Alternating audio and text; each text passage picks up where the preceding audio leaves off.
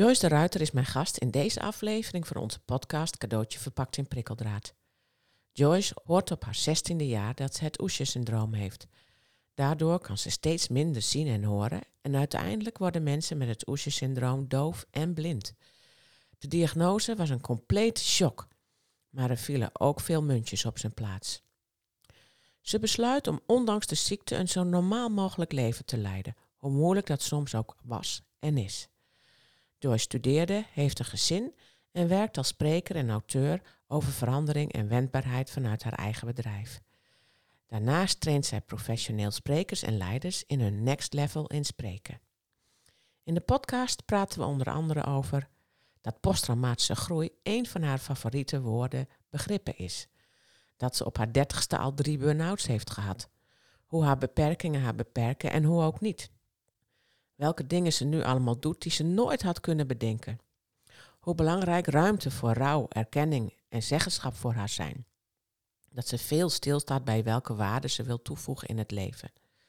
Haar boek Niet horen, niet zien, niet zwijgen. En haar motto: Je kunt niet het slachtoffer zijn van de verandering, alleen van jouw houding.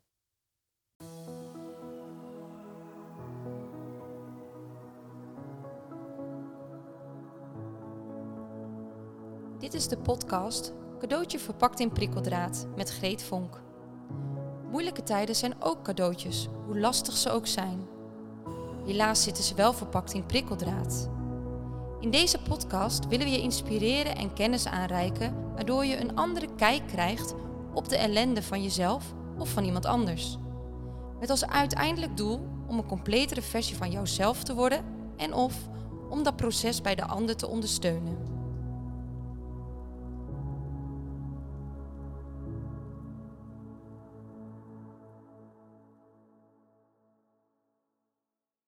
Joyce, welkom. Dankjewel, fijn om hier te zijn. Het was wel grappig hoe, uh, hoe jij in deze podcast kwam. Want um, Masha Struik, bij wie uh, ik ook in de podcast ben geweest en zij in onze podcast, die stuurde mij op een gegeven moment een mailtje. Ik heb Joyce de Ruiter gesproken en die moet ook in jouw podcast. Hier heb je haar gegevens.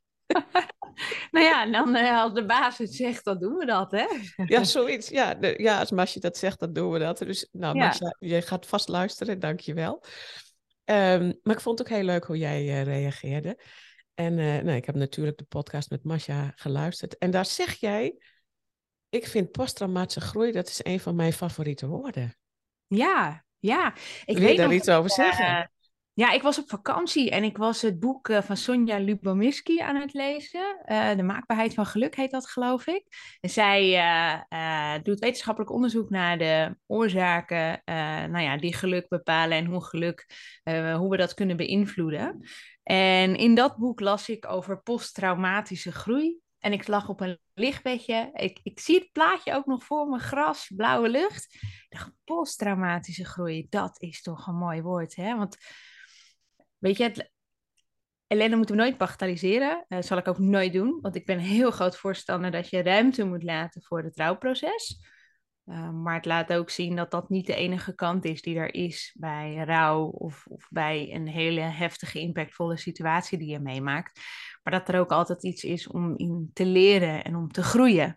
Ja, dat, dat vind ik een heel mooi woord. Ja, ik zeg altijd, ik weet niet of je verliefd kan zijn op een woord. Maar posttraumatische groei is voor mij zo'n woord. Ja. Ja. ja, en dat met jouw achtergrond en met jouw uh, situatie, daar, daar kun je wel respect voor hebben, vind ik. Ja, weet je wat het is? Um, ja, ik word doof en blind. Uh, misschien heb ik alle jokers in handen om te zeggen, nou, ik ga zielig in een hoekje zitten huilen. Maar ja, ik ben van mening dat ik dat niet heb. Um, hè, zonder het mooi te willen maken, laat het dan ook maar iets zingevend zijn. Of laat ik er dan alsjeblieft iets goeds mee doen. Uh, en ik heb hele diepe dalen gekend en nog steeds. Uh, maar dat is niet meer het enige wat er is. Hè? Dus ik zie altijd dat als er iets heel ingrijpends gebeurt, en dat zie ik gelukkig ook bij heel veel mensen om me heen, dat er altijd twee sporen zijn. Hè? Het spoor van rouw, verlies, verdriet. Um, en, en, en de ingrijpende kant. Maar dat er op een gegeven moment ook een spoor kan ontstaan en die kunnen naast elkaar blijven bestaan. ja, dat je er iets goeds uit kunt halen. Uh, je leert er sowieso altijd van. Hè? Je kunt niet, niet leren, vind ik, van dit soort situaties. En, uh, ja, en in de mooiste gevallen ook van betekenis ermee zijn voor anderen. Uh, en ik prijs mezelf heel gelukkig dat ik nu op het punt zit van het tweede spoor en ook van betekenis zijn voor anderen. Maar dat wil niet zeggen dat het eerste spoor er nooit is. Uh, sterker nog, die is er groot naast. Ja. Ja, het is en-en. Ja, het is en-en. En um, um, ik heb een gezin en ik, ik ben het ook aan hun verplicht om niet alleen maar die joker in te zetten. Ja, ik word doof en blind, dus mijn leven heeft geen zin. Ik ga maar zielig in een hoekje op de bank zitten. Hè? En, um, dus ja, ik vind het niet meer dan verplicht ook aan mijn buitenwereld om altijd wel te blijven zoeken. wat kan ik er nog mee doen? Of, of en wat kan ik er ook nog weer voor lering uittrekken? Hoe oncomfortabel die, die lessen vaak ook zijn.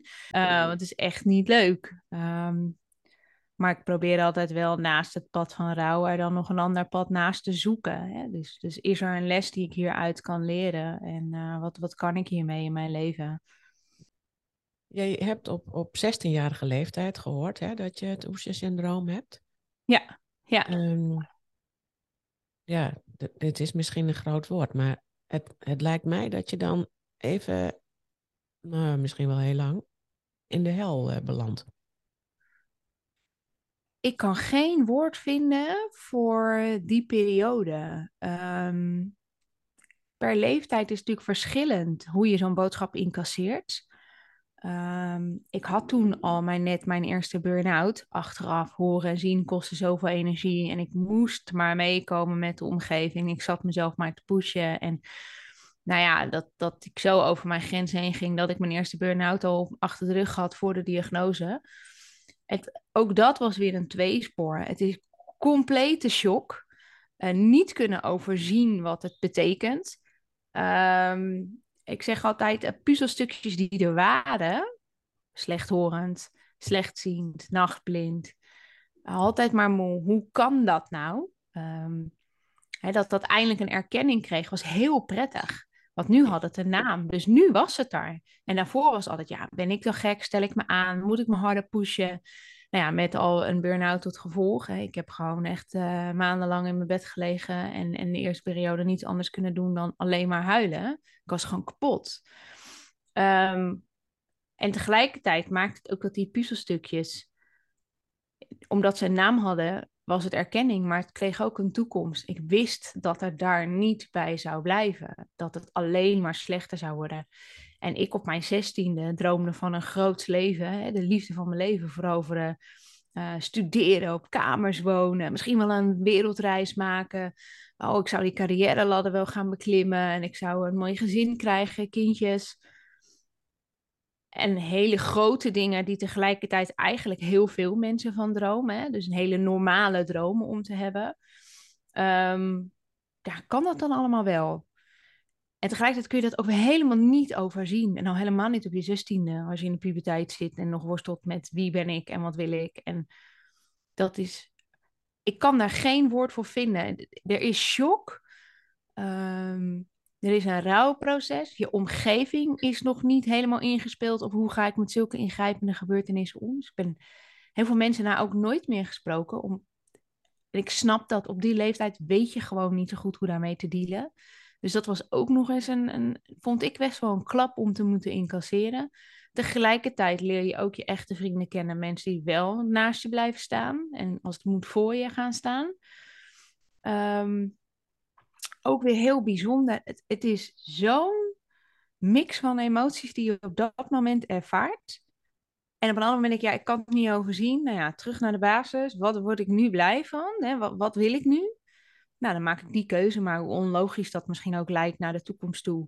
Maar dat heb ik nu in ieder geval gedaan wat ik leuk vind. En dan zie ik in de toekomst wel hoe ik mijn weg ga vinden. Um, het, het, alles door elkaar. Ja. Herinner jij je nog essentiële momenten waarop je dacht van nou, ik kan wel weer een paar dingetjes doen? Of er, er kwam ook weer een lichtpuntje? Uh, nou, mijn ouders, uh, mijn broer hebben de diagnose, bij mijn broer is de diagnose gesteld. En uh, mijn ouders en mijn broer hebben het dus mij moeten vertellen. Dat was in de zomervakantie. Um, en ook toen, ik, ik kan me vooral nog de eerste week na de diagnose herinneren dat, dat we het ook aan iedereen moesten vertellen. Mijn vader die had toen hadden we nog geen computers en printers. Hè? Moet je nagaan, hele tijd allemaal handgeschreven brieven naar de familie en vrienden gestuurd. Of die gekopieerd, geloof ik. En verstuurd. En um, ik weet nog die eerste week, toen leek het gewoon alsof mijn broer en ik dood waren. Want het huis stond vol met bloemen en kaarten en mensen kwamen langs. En dat weet ik nog heel goed. En daarna is er even een soort van black box in mijn hoofd, hoe eigenlijk de rest van de zomervakantie is verlopen. Ik denk, dat we al wel gelijk probeerden om gewoon het leven normaal door te laten gaan. Ehm, maar ik durf je niet te zeggen of ik nou, in, nou, toen mocht je nog uit op je zestiende, of ik in de kroeg ben geweest. Ik zou het echt niet weten. Dus ik weet wel dat er, toen de school weer begon, dat ik dat heel heftig vond. Dat schoolplein opfietsen. Iedereen wist wat ik had. Uh, en ik voelde me echt een soort van uh, ja, roddelobject. Als ik dan de, de aula inkwam tijdens de pauze, dat iedereen naar je keek en niemand wist wat ze zeggen moest. Dat heeft heel erg indruk gemaakt. En dat er daarna weer ja, lichtpuntjes. Ik denk gewoon weer als ik kon ervaren dat het leven nog gewoon doorgaat. Weet je, op zo'n moment staat alles op losse schroeven en is eigenlijk het normale leven al in één keer heel groot. En is het denk ik een moment dat ik uh, wel de kroeg in ging of met vriendinnen wat leuks ging doen of met mijn vriendje wat leuks ging doen. En ook dat mijn vriendje heel bewust zei van, uh, uh, weet je, ja, die ziekte is er nu, maar ja, ik ga toch echt wel gewoon voor Joyce. Hè? Dus dat hij onvoorwaardelijk voor mij koos. Jaren later is die relatie wel uit elkaar gegaan om hele andere redenen. Maar um, ik denk gewoon ervaren dat het leven nog gewoon door kan gaan. Dat ik uh, mijn VWO-diploma heb behaald. Uh, nou, dat ik een opleiding ben gaan doen. Dat ik daarop toegelaten werd. Want er zat een strenge selectieprocedure achter. Ja, dat waren wel euforische momenten. En ik denk grote, omdat je wist in één keer dat ze niet meer vanzelfsprekend zijn. Dat, denk ik. Ja, eigenlijk dat het leven gewoon doorging. Wel of geen diagnose. Ik denk dat dat het mooiste was in die tijd. Ja, ondanks. Ja. Nou, ik heb natuurlijk even gekeken wat je afgelezen en uh, geluisterd naar wat je allemaal hebt meegemaakt. Dat is veel. Je, hebt, uh, ja. je, je, zei nu net al, je hebt, uh, je hebt een burn-out gehad heel, heel vroeg. En daarna heb je er nog twee gekregen. Ja. Ja, ja lekker hè? Je dertigste drie burn-outs. Dan ben je niet goed bezig, zeg ik altijd. ja. Nee. Nou, ik vond, wel, ik vond het wel interessant, want jij sluit bijna elke podcast ook af met iets over slachtoffers zijn.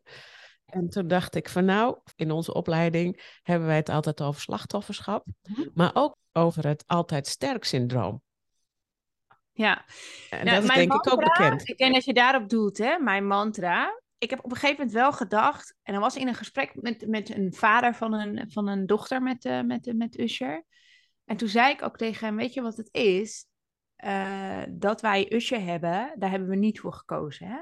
Uh, dus welke verandering je ook op je pad krijgt, daarin hebben we gewoon geen keuze. Het leven overkomt je ook gewoon heel vaak. We hebben het niet in de hand dat er een coronapandemie uitbreekt of uh, misschien dat een dierbare ernstig ziek wordt en komt te overlijden of dat je zelf een diagnose krijgt of nou, wat dan ook. dat je ontslagen wordt. Hè? Het is heel breed. Dat heb je gewoon niet altijd in de hand. Maar je hebt wel een keuze in hoe je hier vervolgens mee omgaat. dus ik zeg altijd, ook op slechte dagen tegen mezelf, je kunt niet het slachtoffer zijn van de verandering, alleen van je houding. Dus hoe moeilijk het soms ook is, heb ik wel de keuze te maken hoe ik met de tegenslagen, veranderingen uh, die ik op mijn pad krijg, hoe ik daarmee om wil gaan. Kan ik dus ook betekenen dat ik heel vaak bewust de keuze maak, de ruimte te laten voor rouw. En het gewoon echt even nou, niet leuk te vinden. En daar heel verdrietig om te zijn. Um, want ik weet ook, als je daar niet de ruimte voor laat, dan komt het linksom rechtsom tien keer harder op je pad. En het belemmert ook letterlijk je herstel. Dus op het moment dat ik mezelf rot mag voelen, um, is het daar veel sneller uit en kan ik veel sneller verder. Ehm, en dus dat is ook een keuze van de houding die je aan kunt nemen ten opzichte van de verandering. Maar uiteindelijk denk ik wel, ja, dan lig ik hier met mijn hoofd hè, onder de spreekwoordelijke dekens. Ja, ja, word ik hier nou gelukkig van? Help dit me nou verder? Nee, ja, en dan kies ik er toch weer voor om een andere houding op te, aan te nemen. En te kijken naar wat kan er wel. Um, dus die dubbelheid zit daar ook weer in. Ja, dat is eigenlijk... Ja. Ja, het is mooi wat je zegt, hè? Slachtofferschapkeuze, zei je toch? Hoe, hoe, welke ja, nou ja, weet je, laten we wel zijn. Hè? Mensen hebben heel vaak een negatieve uh, beleving bij het woord slachtofferschap. Maar als je zoiets, hè, als je ellende meemaakt, bijvoorbeeld wat jij hebt, ja. Ja, dan, dan ben je dat natuurlijk ook, zo nu en dan echt wel. Ja. Ja, je bent ja, ook slachtoffer. En, Ja. en, maar je hoeft niet ehm, ja, de hele dag daarin te gaan, eh, in, die, in die modus te gaan zitten. Nee, zeker niet. En, eh, en je bent soms ook gewoon slachtoffer van een situatie. Ehm, een van mijn beste vriendinnen is haar man eh, verloren aan de gevolgen van ernstige depressie, psychoses. En, en zij vindt het bijvoorbeeld. Ja, hij is echt de slachtoffer geweest van de ziekte. Maar ik heb ook tegen haar gezegd: jij bent ook de slachtoffer geweest van zijn ziekte. Hè? Dus, dus jij mag ook. Je hebt daar ook niet voor gekozen dat hij ziek is geworden. Net zo min als hij daar zelf voor gekozen heeft. Ehm, en dat is denk ik, als we het slachtofferschap zo zien. Je hebt slachtofferschap en slachtofferhouding. En ik denk dat we die twee uit elkaar moeten trekken. Je kunt slachtoffer worden van een situatie waar jij niet voor gekozen hebt. En het is ellende, het is shit. En je hebt er gewoon mee te dealen, of je het nu wilt of niet. Hè, dus dat is slachtofferschap.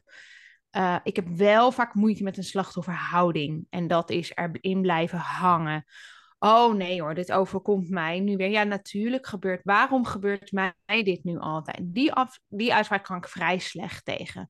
Terwijl ik soms ook wel eens zoveel op mijn bordje heb. En dan dreigt er weer iets heel groots aan te komen. En dan denk ik, ja, weet je, dit kan ik er nu gewoon niet bij hebben.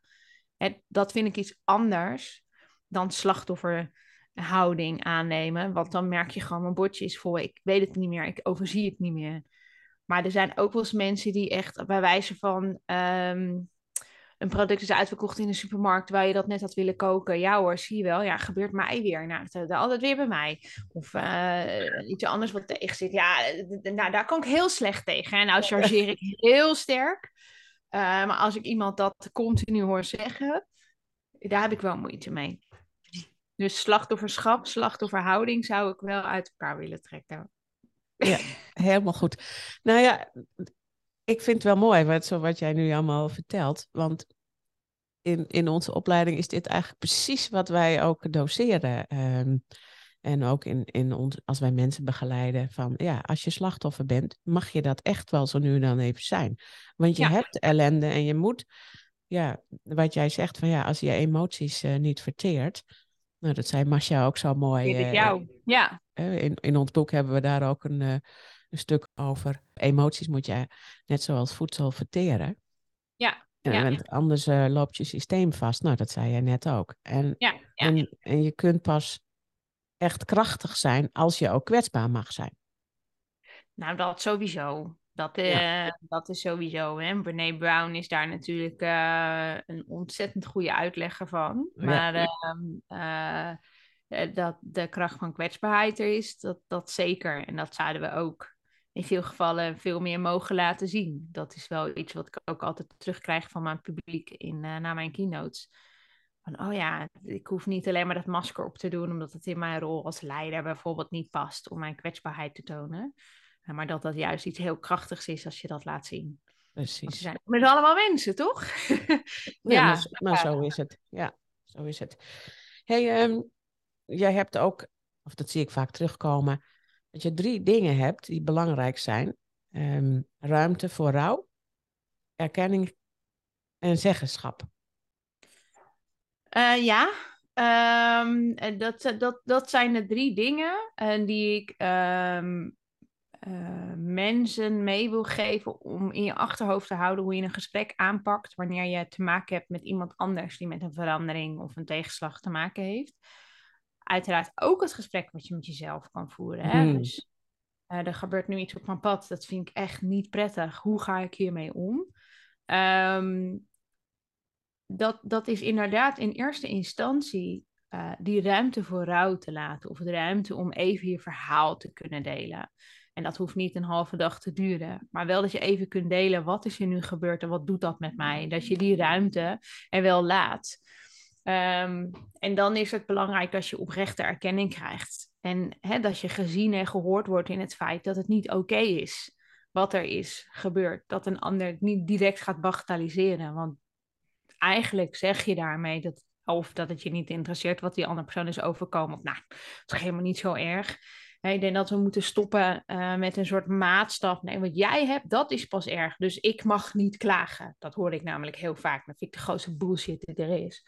Ja, alsof, uh, alsof je het uh, op een thermometertje kunt leggen of zo. Ja. ja, nou, ik kan genoeg verhalen uit mijn omgeving halen dat ik denk, nou, nee, ik zou niet willen ruilen. Hè? Dus, um, uh, en dan nog, als jij op dat moment met iets te dealen hebt, wat kleiner zou zijn dan een diagnose als Usher, dan is dat op dat moment voor jou gewoon kloten. Weet je? En, en ik vind ook echt dat je die oprechte erkenning moet krijgen van de andere persoon gezien en gehoord worden in, in wat jij op dat moment ervaart.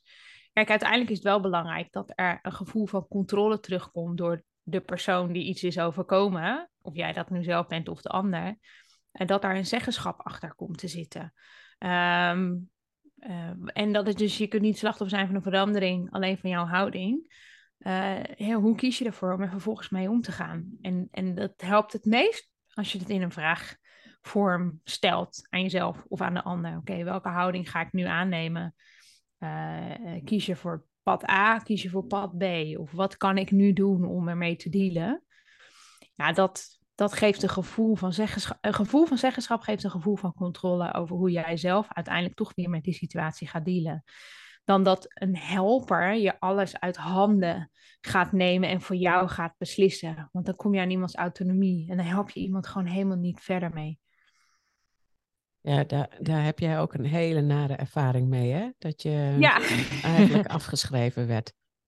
Ja, ja, ja. Ik had um, een jaar na de diagnose, moest ik naar de oogarts. Heb je zo'n reguliere jaarlijkse controle. En ik had net de beslissing gemaakt dat ik de opleiding visual marketing wilde gaan volgen. Super onlogische naam natuurlijk als je een visuele uh, handicap hebt. Maar dat was wel een keuze waarvan ik dacht, hier word ik op dit moment gelukkig van. Ik zie in de toekomst wel wat ik ermee ga doen. Eh, ik vind mijn weg wel. En als een arts dan, ja, nou je nog net niet uitlacht, maar je wel belachelijk maakt voor je keuze dat je visual marketing wilt gaan studeren. En hou er rekening mee, je wordt gewoon blind. Hè? Dus wil jij zo nodig iets doen?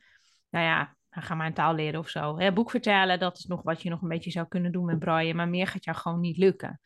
Um, in de toekomst, dan wordt alle grond die je weer een klein beetje onder je voeten hebt verzameld in het jaar na de diagnose, wordt gewoon letterlijk weer onder je voeten. Hè, dat gas wordt gewoon letterlijk weer weggemaaid.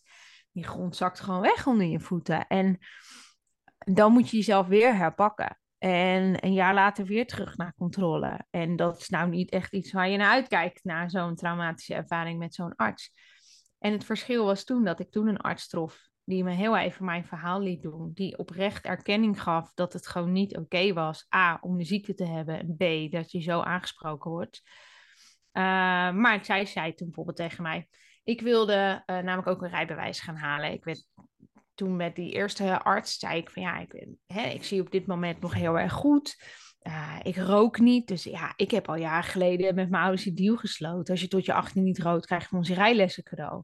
Oh, wat grappig, dat hadden wij ook met onze kinderen. Ja, ja, wie niet? Ja, heel veel mensen tenminste herkennen dat. En, uh, en ik dacht, ja, mijn broer heeft vlak voor de diagnose zijn rijbewijs gehaald. En, en nou ja, ging af en toe wel rijden overdag, omdat we gewoon wisten, dan is het zicht gewoon nog goed hè, op dat moment dacht, ja, dan, dan wil ik dat ook wel ervaren. Nou, dat vond bijvoorbeeld de eerste arts echt een waanzinnig belachelijk idee. Uh, hè, je bent blind en uh, dit is niet veilig en, en uh, je bent een gevaar op de weg en niemand die jou een rijbewijs gaat geven. Bam, weet je wel. En die tweede arts zei van ja, je, het klopt, hè, de metingen laten nu zien, jouw zicht kan een bepaalde lijn, kan je ondoorbroken zeg maar zien. Dus jij mag prima nu overdag autorijden. Maar zij zei ook van ja, weet je wat het is? Het is een gigantische investering financieel. Uh, je weet dat je niet goed ziet. Ja, is het niet lastiger voor je om uh, te moeten dealen met het feit dat je straks ja, die verworven vrijheid, want dat is het natuurlijk, weer in moet leveren? Is dat niet veel moeilijker voor je? Uh, en waar gaat dan het punt zijn? Hè?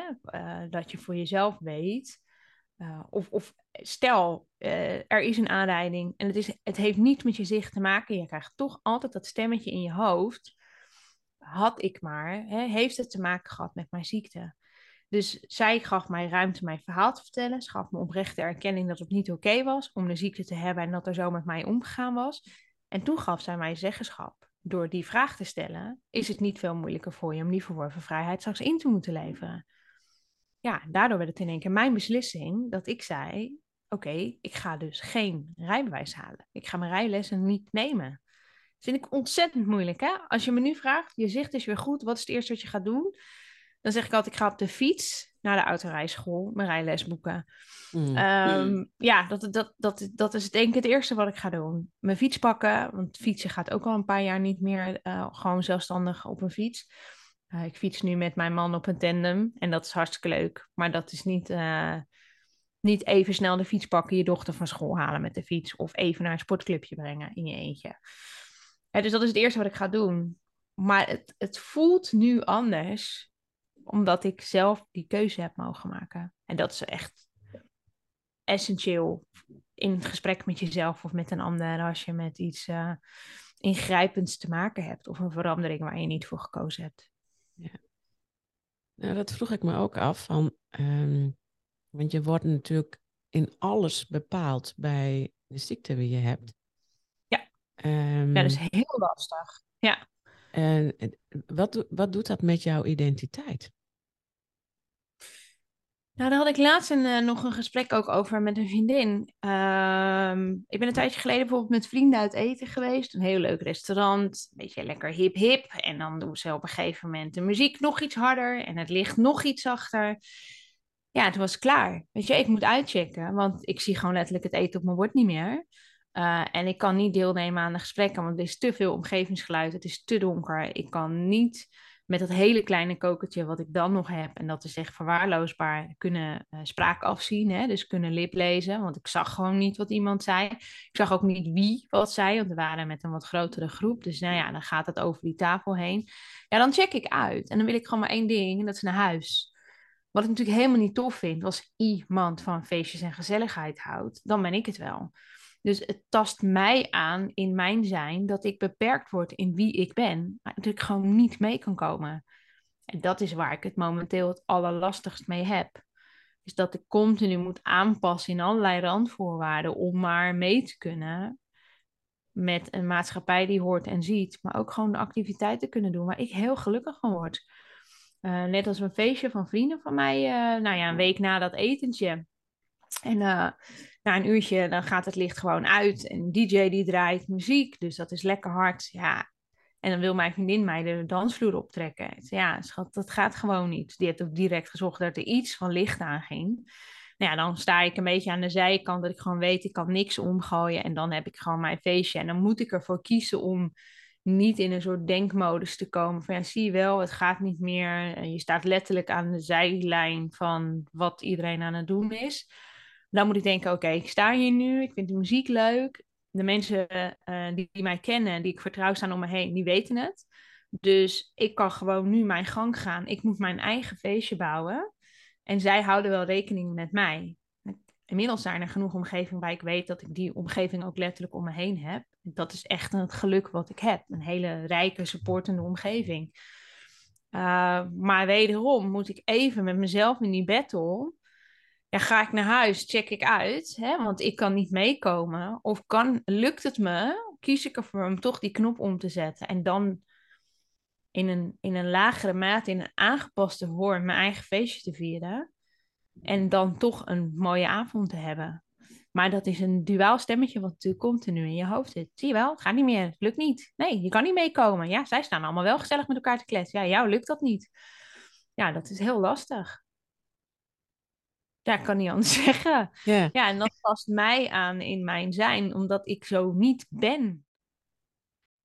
toen ik deze podcast zat voor te bereiden, toen dacht ik, ja, ehm, dan ga je, hè, ik ga met Joyce praten.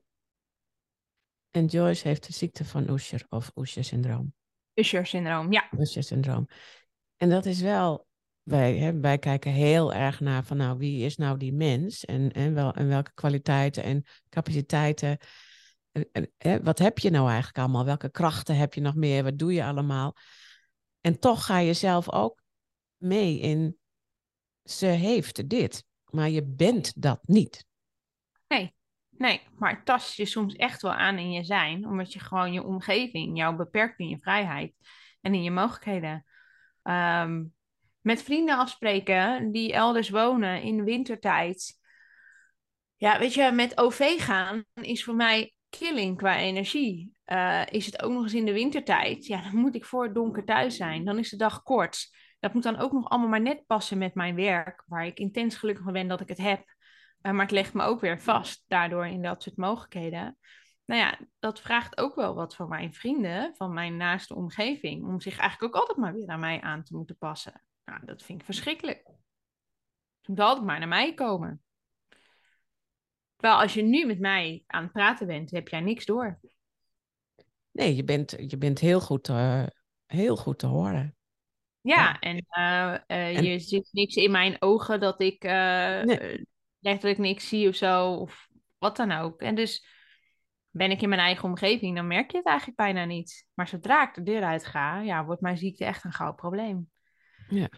Hey, jij raakt, je haalde net even aan, zo van nou, het werk wat ik nu doe, daar word ik heel gelukkig van. Dat heeft met zingeving te maken. Absoluut. ja, ja. Dat, dat, is zin geven aan zo, zoiets zinloos eigenlijk, hè? Ja. ja. Dat maakt het verschil voor jou? Ja, ik ben heel lang op zoek geweest naar wat betekent acceptatie.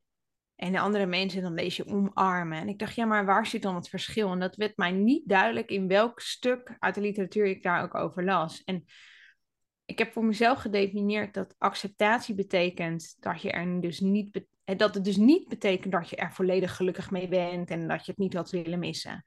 Ik heb heel lang gedacht, nou, als ik blij ben met het feit dat ik doof en blind word, dan ben ik volledig gelukkig met mijn ziekte en heb ik het dus geaccepteerd. En dus dat er ruimte is voor rouw. En voor mij is daardoor het omarmen ontstaan. En dat waarde mee kan toevoegen voor anderen. Dat ik er dus iets zingevends mee kan doen. Daar zit voor mij het verschil in acceptatie en omarmen. En omarmen is wel het moment dat voor mij op mijn pad kwam. Ten eerste dat ik uh, mee kon werken aan Stichting Usher Syndroom. Om meer awareness te creëren, meer bekendheid over het ziektebeeld en donaties te genereren. Um, om die wetenschappelijke onderzoeken, die er echt wel zijn, maar gewoon veel te weinig geld voor is, om die te kunnen financieren. Hè? Dus naar een behandeling dat was de eerste stap voor mij echt naar zingeving. Los van het feit dat je de lessen die je leert in het leven toepast in de opvoeding van je kinderen. Laten we dat even als eerste zetten. Ik vind een gezin is, is voor mij het meest zingevende. Uh, maar daarna is ook het, uh, het carrière van spreken op mijn pad gekomen. En spreek ik uh, voor de meest uiteenlopende publieken over verandering en wendbaarheid. Um, dus er zijn altijd veranderingen, of dat nu is in de zorg, in het onderwijs, in het bedrijfsleven of, of welke sector dan ook. Uh, en hoe ga je daar nou mee om? En hoe zie je dat? Hè? Dat is een stukje posttraumatische groei. Welke lering kun je trekken uit de veranderingen? En hoe pas je dit weer toe in de praktijk? Of kun je er weer iets goed van betekenis voor zijn voor anderen? Uh, hoe ontwikkel je nu een wendbare mindset om die groeikans van verandering te zien? Dat is waar ik nu over spreek. Ja, en dat zit natuurlijk ook mijn persoonlijke verhaal in verweven, naast diverse inzichten uit de psychologie. Ehm, ja, dat is zo waanzinnig mooi om te mogen doen. Um, de reacties te krijgen uit het publiek. Uh, er zijn echt events dat ik een week bezig ben om alle reacties die ik dan zowel uh, via de mail als via LinkedIn bijvoorbeeld uh, krijg, om dat allemaal te kunnen beantwoorden. Dat wil ik persoonlijk doen en daar neem ik ook altijd de tijd voor dat is zo mooi dat je met jouw verhaal iets anders moois mag betekenen voor een ander. En je mag inspireren hoe je toch met die veranderingen er wel weer iets goeds uit kunt halen. Ja, dat is uh, zingeving uh, to the max voor mij. ja. Daar kan ik me alles bij voorstellen. Ja, en nou ja, een boek geschreven. Ehm, niet horen, niet zien, niet zwijgen. Dat is dan een autobiografisch boek. Daarvoor geef ik dan ook weer de opbrengst aan Stichting Usje Syndroom. Dus zo kan ik echt iets van betekenis zijn op een heel breed vlak. Um, dat het niet alleen maar zinloos is waar ik mee te dealen heb. Dat ik ook iets goeds mee mag doen. Ja. Ja, de, dat straalt overal in door in jouw boek, in, in, in de podcast die ik gehoord heb, de zingeving, dat dat heel belangrijk is hè, voor je. Ja, ja. Mag ik een moeilijke vraag daarover stellen? Zeker. Als jij nou inderdaad op een gegeven moment toch bijna niet meer kunt horen en bijna niet meer kunt zien, misschien zelfs helemaal niet meer, ben je daar al mee bezig? Hoe je dan toch nog iets daar qua zingeving mee kunt doen? Uh, dat ben ik vanaf de diagnose geweest. Uh, tot een aantal jaar geleden beheerste dat mijn leven. Wat als het zover is? Wat moet ik dan en hoe ga ik dat dan doen? Um, het voordeel van uh, de sprekerscarrière, die, dat pad dat ik nu heb mogen bewandelen en waarschijnlijk ook nog ga bewandelen, is dat er continu dingen op mijn pad komen die ik van tevoren niet had kunnen bedenken dat het überhaupt zou bestaan. Het feit dat ik nu aangesloten ben bij de Speakers Club, dat we sprekers trainen in hun next level in spreken, dat ik bedrijfs, echt de business leaders train in hun next level in spreken. Had ik nooit kunnen bedenken. Dat ik een boek zou gaan schrijven, had ik nooit kunnen bedenken. Dat er nog een tweede boek, eh, een, een, nou eigenlijk inmiddels derde boek aan zit komen. Dat had ik nooit kunnen bedenken. Dus ten eerste heb ik losgelaten om nu al het plaatje in te willen vullen hoe het er tegen die tijd uitziet. Dat geeft rust. Dus ja, ik heb angst voor de toekomst, maar het beheerst me niet meer de hele dag door. Uh, dus ik heb veel meer geleerd om te denken, nou, ik zie wel hoe het loopt.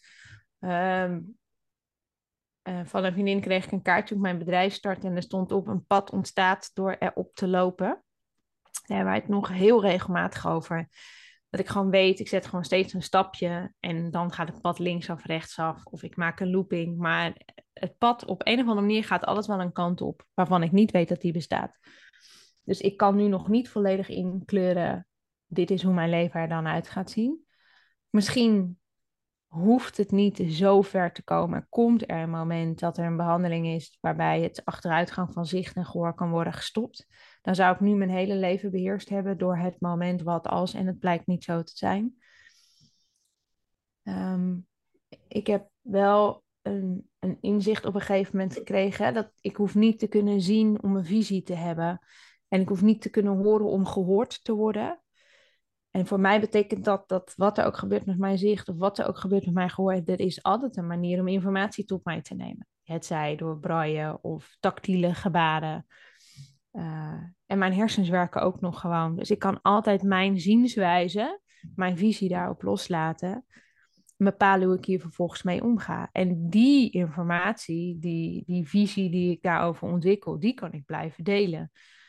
Er is ook Helen Keller geweest, een doofblinde dame, die uiteindelijk ook van zo'n betekenis is geweest voor zoveel mensen in de wereld. Ja, waarom zouden wij dat dan niet kunnen, wij mensen met Usher? Ik denk dat ik dan even namens iedereen spreek. Ik zie het wel. Ja, mooi. Heel mooi. Ja. Nou, in dat kader had ik ook wel zoiets van, dat vond ik wel, het viel mij op van zo'n meneer die zegt van nou, je wordt niet, hè, je bent eigenlijk afgeschreven, zo'n arts toen je 17 was. Nou, de, hè, het wordt niet meer wat, hè, eigenlijk. Ja. Nou, dat is dus uh, dat, dat, ja. daar, daar, daar, ging jij, eh, daar ging jij absoluut niet in mee. Um, en zo ben je eigenlijk met een heleboel dingen niet in meegegaan. Uh, zo van, nou, dat kunnen ze allemaal wel uh, vinden en zeggen. Maar uh, ja, daar ga je... Daar ben je... is wel mijn middelneem geweest, ja. ja. maar bewijsdrang is niet het beste eigenschap om te hebben, hoor. Want het kost je dus ook heel veel, hè. Met dan nog twee burn-outs. Um, omdat er toch een stemmetje in je hoofd zit. Van ja, jij zegt dit nu wel over mij. Maar je wil daar zelf nog niet aan. Dus je gaat knokken om te laten zien dat diegene geen gelijk heeft. Hè? Dus het is, het is niet altijd goed om te zeggen, ik ga daar niet in mee. Soms heb je er ook gewoon maar neer te leggen. Dat is precies waar ik het met je over wilde hebben. Want wat is nou, hè, want hun realiteit is, het wordt niet meer wat. Hun realiteit is, nou, je, kan hè, je kan geen waarde meer toevoegen. Hun realiteit is, als je veertig bent, want dat kreeg je te horen, dan ja. kan je bijna niet meer dan kun je bijna niet meer, ja, dan is het klaar eigenlijk. Hè? Dat is wat je te horen kreeg. Dat is hun realiteit. Um, wat betekent realiteit voor jou?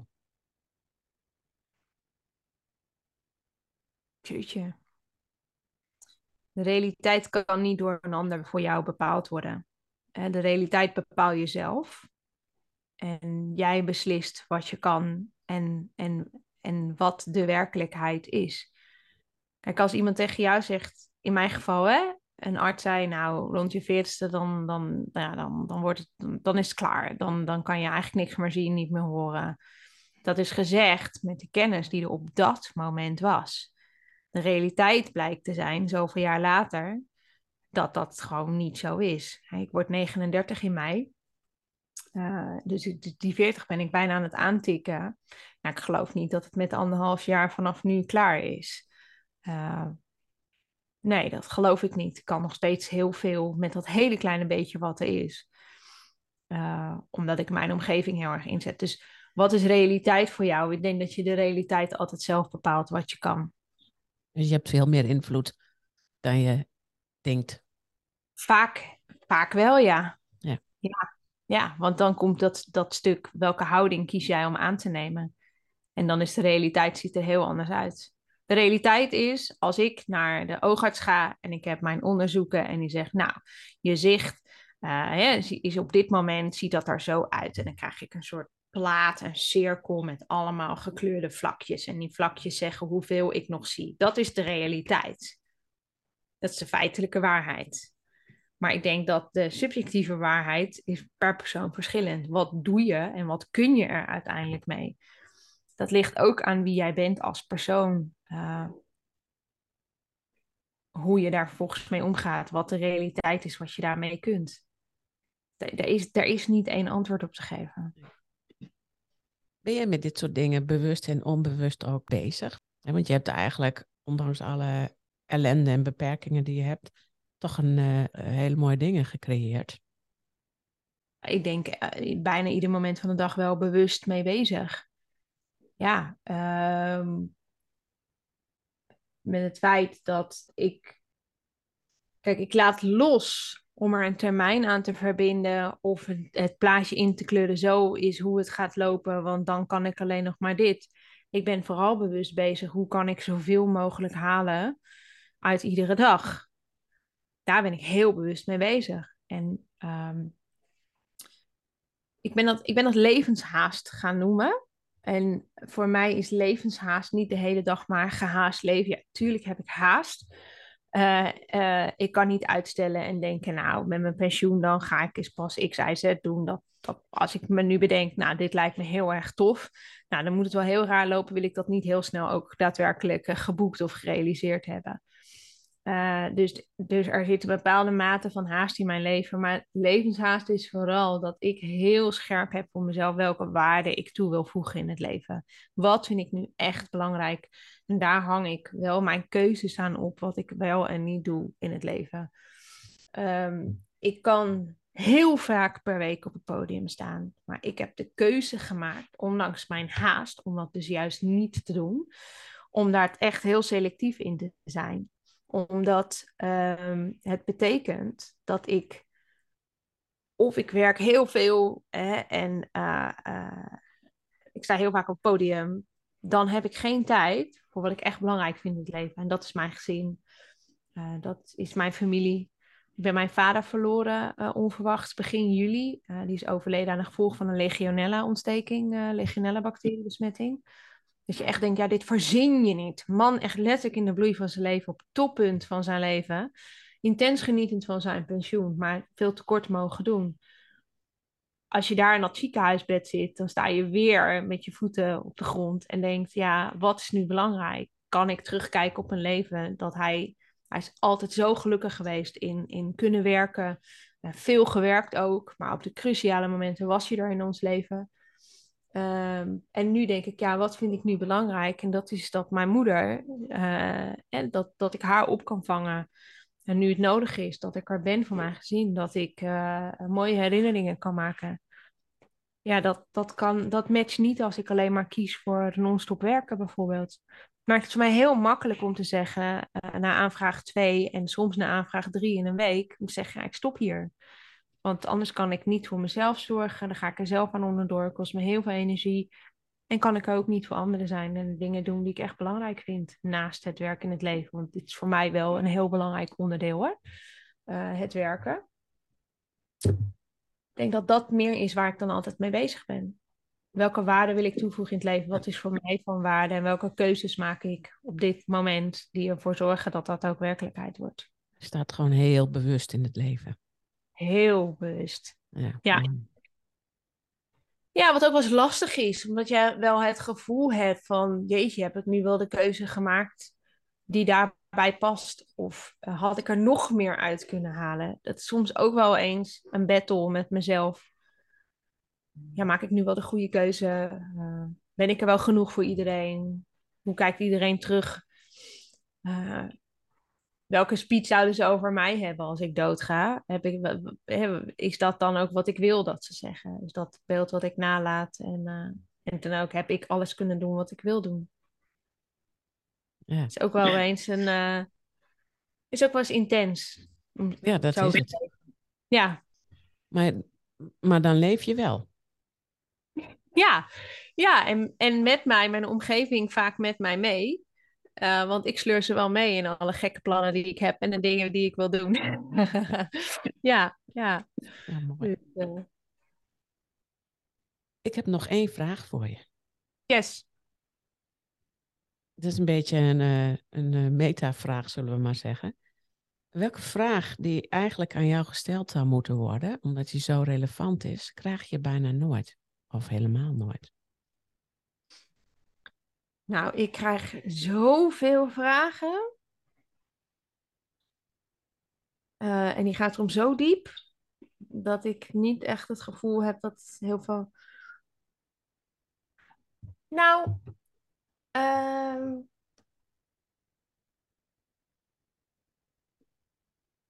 het gaat meer over: ben je wel eens eenzaam? En ik denk dat dat iets is. Uh, ik probeer heel erg te laten zien dat naast alle mooie dingen die ik meemaak en de mooie dingen die ik doe, uh, want dat is ook gewoon echt zo. Het is echt heel bijzonder. En daar geniet ik intens van. Uh, daarnaast laat ik ook heel veel zien dat er heel veel rouw is. Hè? Dus dat er altijd twee sporen zijn. Men weet dat ook voor mij. Maar dat er ook heel vaak eenzaamheid is in, um, in het moeten dealen met, uh, met, met dit ziektebeeld ook al zijn er duizend mensen in Nederland die hetzelfde ziektebeeld hebben, maar toch zit iedereen er weer anders in. En in mijn naaste omgeving heb ik naast mijn broer uh, niet iemand die met, met, zo met die beperkingen um, echt te snappen wat het is. Dat is vaak heel eenzaam. Mm-hmm. En dat hebben mensen vaak helemaal niet door of willen het misschien niet weten, dat weet ik niet. Um, dat is soms wel iets waar meer aandacht voor zou moeten zijn. Um, dat dat daar ook is. En dat we begrip moeten hebben voor dat er niet alleen maar een mooi verhaaltje is. En oh, wat mooi is, laat ook de ruimte voor rouw. Maar dat er dus heel veel eenzaamheid is in het gevoel dat je dus ergens alleen staat en voelt dat je uit moet checken. Dat er achter die lach, die toch altijd wel laat zien, want ik had ook echt wel zo voor, dat daar heel veel achter zit. Daar wordt niet vaak naar gevraagd. Mm. Ik kan me het wel voorstellen. Um, ik, er is gewoon niemand met, met, nou ja, met je broer, maar iedereen doet het toch weer anders. Dat, zijn, ja, dat is een, een proces wat je echt in je eentje moet doen. Ja, ja, ik zei uh, laatst ook nog, hè, ook tegen mijn moeder in haar rouwproces. Je bent niet alleen. Maar je moet het wel zelf doen. Um, en dat is het in ieder verandering, tegenslag die je meemaakt. Je bent niet alleen, maar je moet het wel zelf doen. En dat zelf doen voelt soms wel eens heel eenzaam. Maar er is niemand die dat van je over kan nemen. Dat moet je denk ik ook niet willen, want dan heb de posttraumatische groei zit daarachter. Maar dat komt de lastig af en toe, ja. ja. Dat is een beetje, ja, beetje cynisch bijna, hè? sarcastische humor. Ja. Ja, ja, dan af en toe moet je er ook maar gewoon om lachen. En uh, ja. Uh, ik kan hele zwarte humor hebben hoor, als het om mijn ziekte gaat. En, uh, en mensen kunnen best wel veel dingen tegen mij zeggen. Het ligt er alleen aan wie het zegt. ja, ja. Ja, humor is een van de gouden dingen hè, in dit soort dingen. Dat is echt zo. Zeker, ja, ja. En hoe zwartgalliger, hoe grappiger vaak ook. Ja. Ja, ja, goed. Maar ja, daar moet je wel mee om kunnen gaan. En dat kun jij dus. Mooi. Ja, dat kan ik. Maar ik, ik zeg er wel gelijk bij, het ligt er echt aan wie het zegt. Uh, er zijn grappen uh, en degene, als die luistert, weet precies wie ik bedoel. Uh, want ik doe het net zo hard terug. Maar ehm, er moet wel iets van een mate van gelijkwaardigheid zijn. Als je met mij gaat spotten terwijl je eigenlijk niet weet waar je het over hebt, dan trek ik dat niet. Uh, nee, dus het is een lastige scheidingslijn. Ja, maar het gaat op zich altijd goed hoor. Je moet goed aansluiten. Ja. Oké. We zijn er bijna doorheen. Voordat we afsluiten, um, um, nog even een vraag. Als mensen jou uh, willen zoeken, nou, dan kunnen ze jou gewoon vinden op jouw website Joyce de Ruiter. Jij, uh, nou, ja. Als ze nog ja. meer over je willen, ja, Joy ja, .nl. Als ze nog meer over jou willen lezen, kunnen ze jouw boek lezen. En niet, ho niet horen, niet zien, niet zwijgen. Yes. Um, heb jij nog een laatste tip of iets wat je kwijt wilt of opmerking? Nou, zullen we gewoon afsluiten met je kunt niet het slachtoffer zijn van de verandering, alleen van je houding. Helemaal goed. Heel yes? bedankt. Dankjewel. Hey, dankjewel. Mooi gesprek. Dankjewel voor het luisteren naar deze cadeautje verpakt in prikkeldraad podcast. We willen nog graag een paar belangrijke dingen met je delen. Als je enthousiast bent over deze podcast, dan zijn we blij met een review. Daarmee help je ons bij onze missie. Je kunt de podcast natuurlijk ook doorsturen aan mensen van wie jij denkt dat ze er ook iets aan hebben. Wil jij voortaan alle nieuwe podcastafleveringen overzichtelijk op een rijtje? Abonneer je dan op deze podcast. Heb je vragen of ideeën voor deze podcast? We horen het graag. Je kunt een mail sturen naar info@sterkerdoorellende.nl of Greet Vonk een bericht sturen op LinkedIn. Zoveel mensen kunnen profiteren van een andere kijk op ellende. Het is daarom onze missie om PTG bekender te laten worden dan PTSS. Wil jij meer weten over PTG of bijdragen aan onze missie? Je kunt op onze website www.sterkerdoorellende.nl onze boeken bekijken en eventueel kopen, de e-learning bekijken, een gratis inspiratiesessie volgen, de PTG-vragenlijst invullen, workshops en opleidingen boeken. We hopen dat deze podcast jou heeft geïnspireerd, zodat je in tijden van ellende in jouw leven of werk kiest voor het positieve en hoopvolle gedachtegoed van PTG. Voor jouzelf, je familielid, je vriend, vriendin, collega, klant, voor wie dan ook. Tot de volgende keer.